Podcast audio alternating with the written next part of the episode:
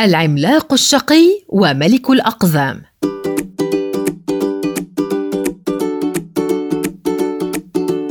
كان يا مكان في قديم الزمان مملكة للعمالقة. والعملاق إنسان ضخم طويل طوله أضعاف طول الإنسان العادي ووزنه أضعاف وزن الإنسان العادي. وكان هؤلاء العمالقة مسالمين يحبون الناس ويساعدونهم. وكان قرب مملكة العمالقة مملكة أخرى للأقزام. والقزم إنسان صغير طوله طول إصبع الإنسان العادي ووزنه خفيف جدا. وكان هؤلاء الأقزام طيبين يحبون الخير للناس ويساعدونهم.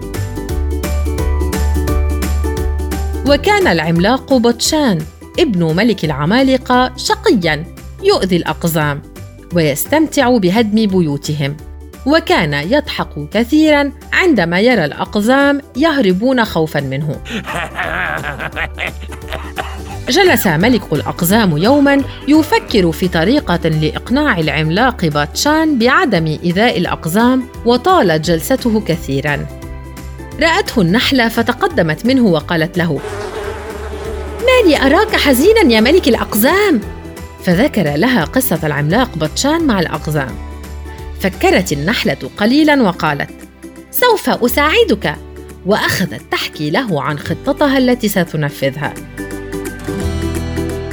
وفي أحد الأيام جاء العملاق بطشان وأخذ يضرب الأقزام ويضحك عليهم كعادته.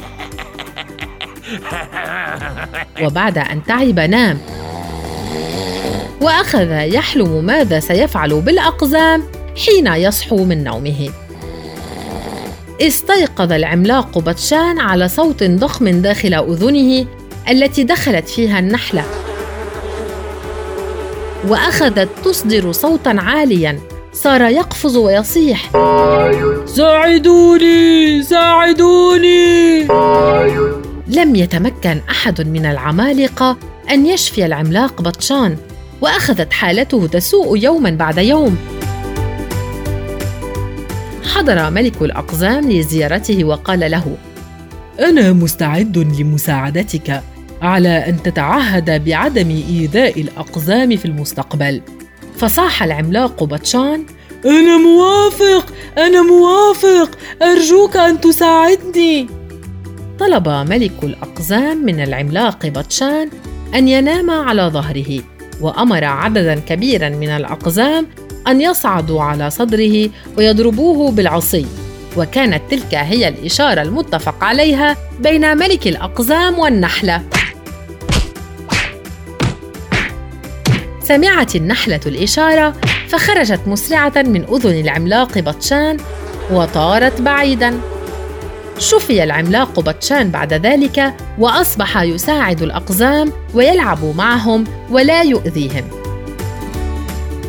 مات ملك العمالقة فأصبح العملاق بطشان ملكا بعد موت والده وتعهد بالاستمرار في مساعدة الأقزام وحمايتهم بعد أن تعلم درسا في الحياة وهو أن النحله الصغيره تستطيع إيذاء العملاق الكبير.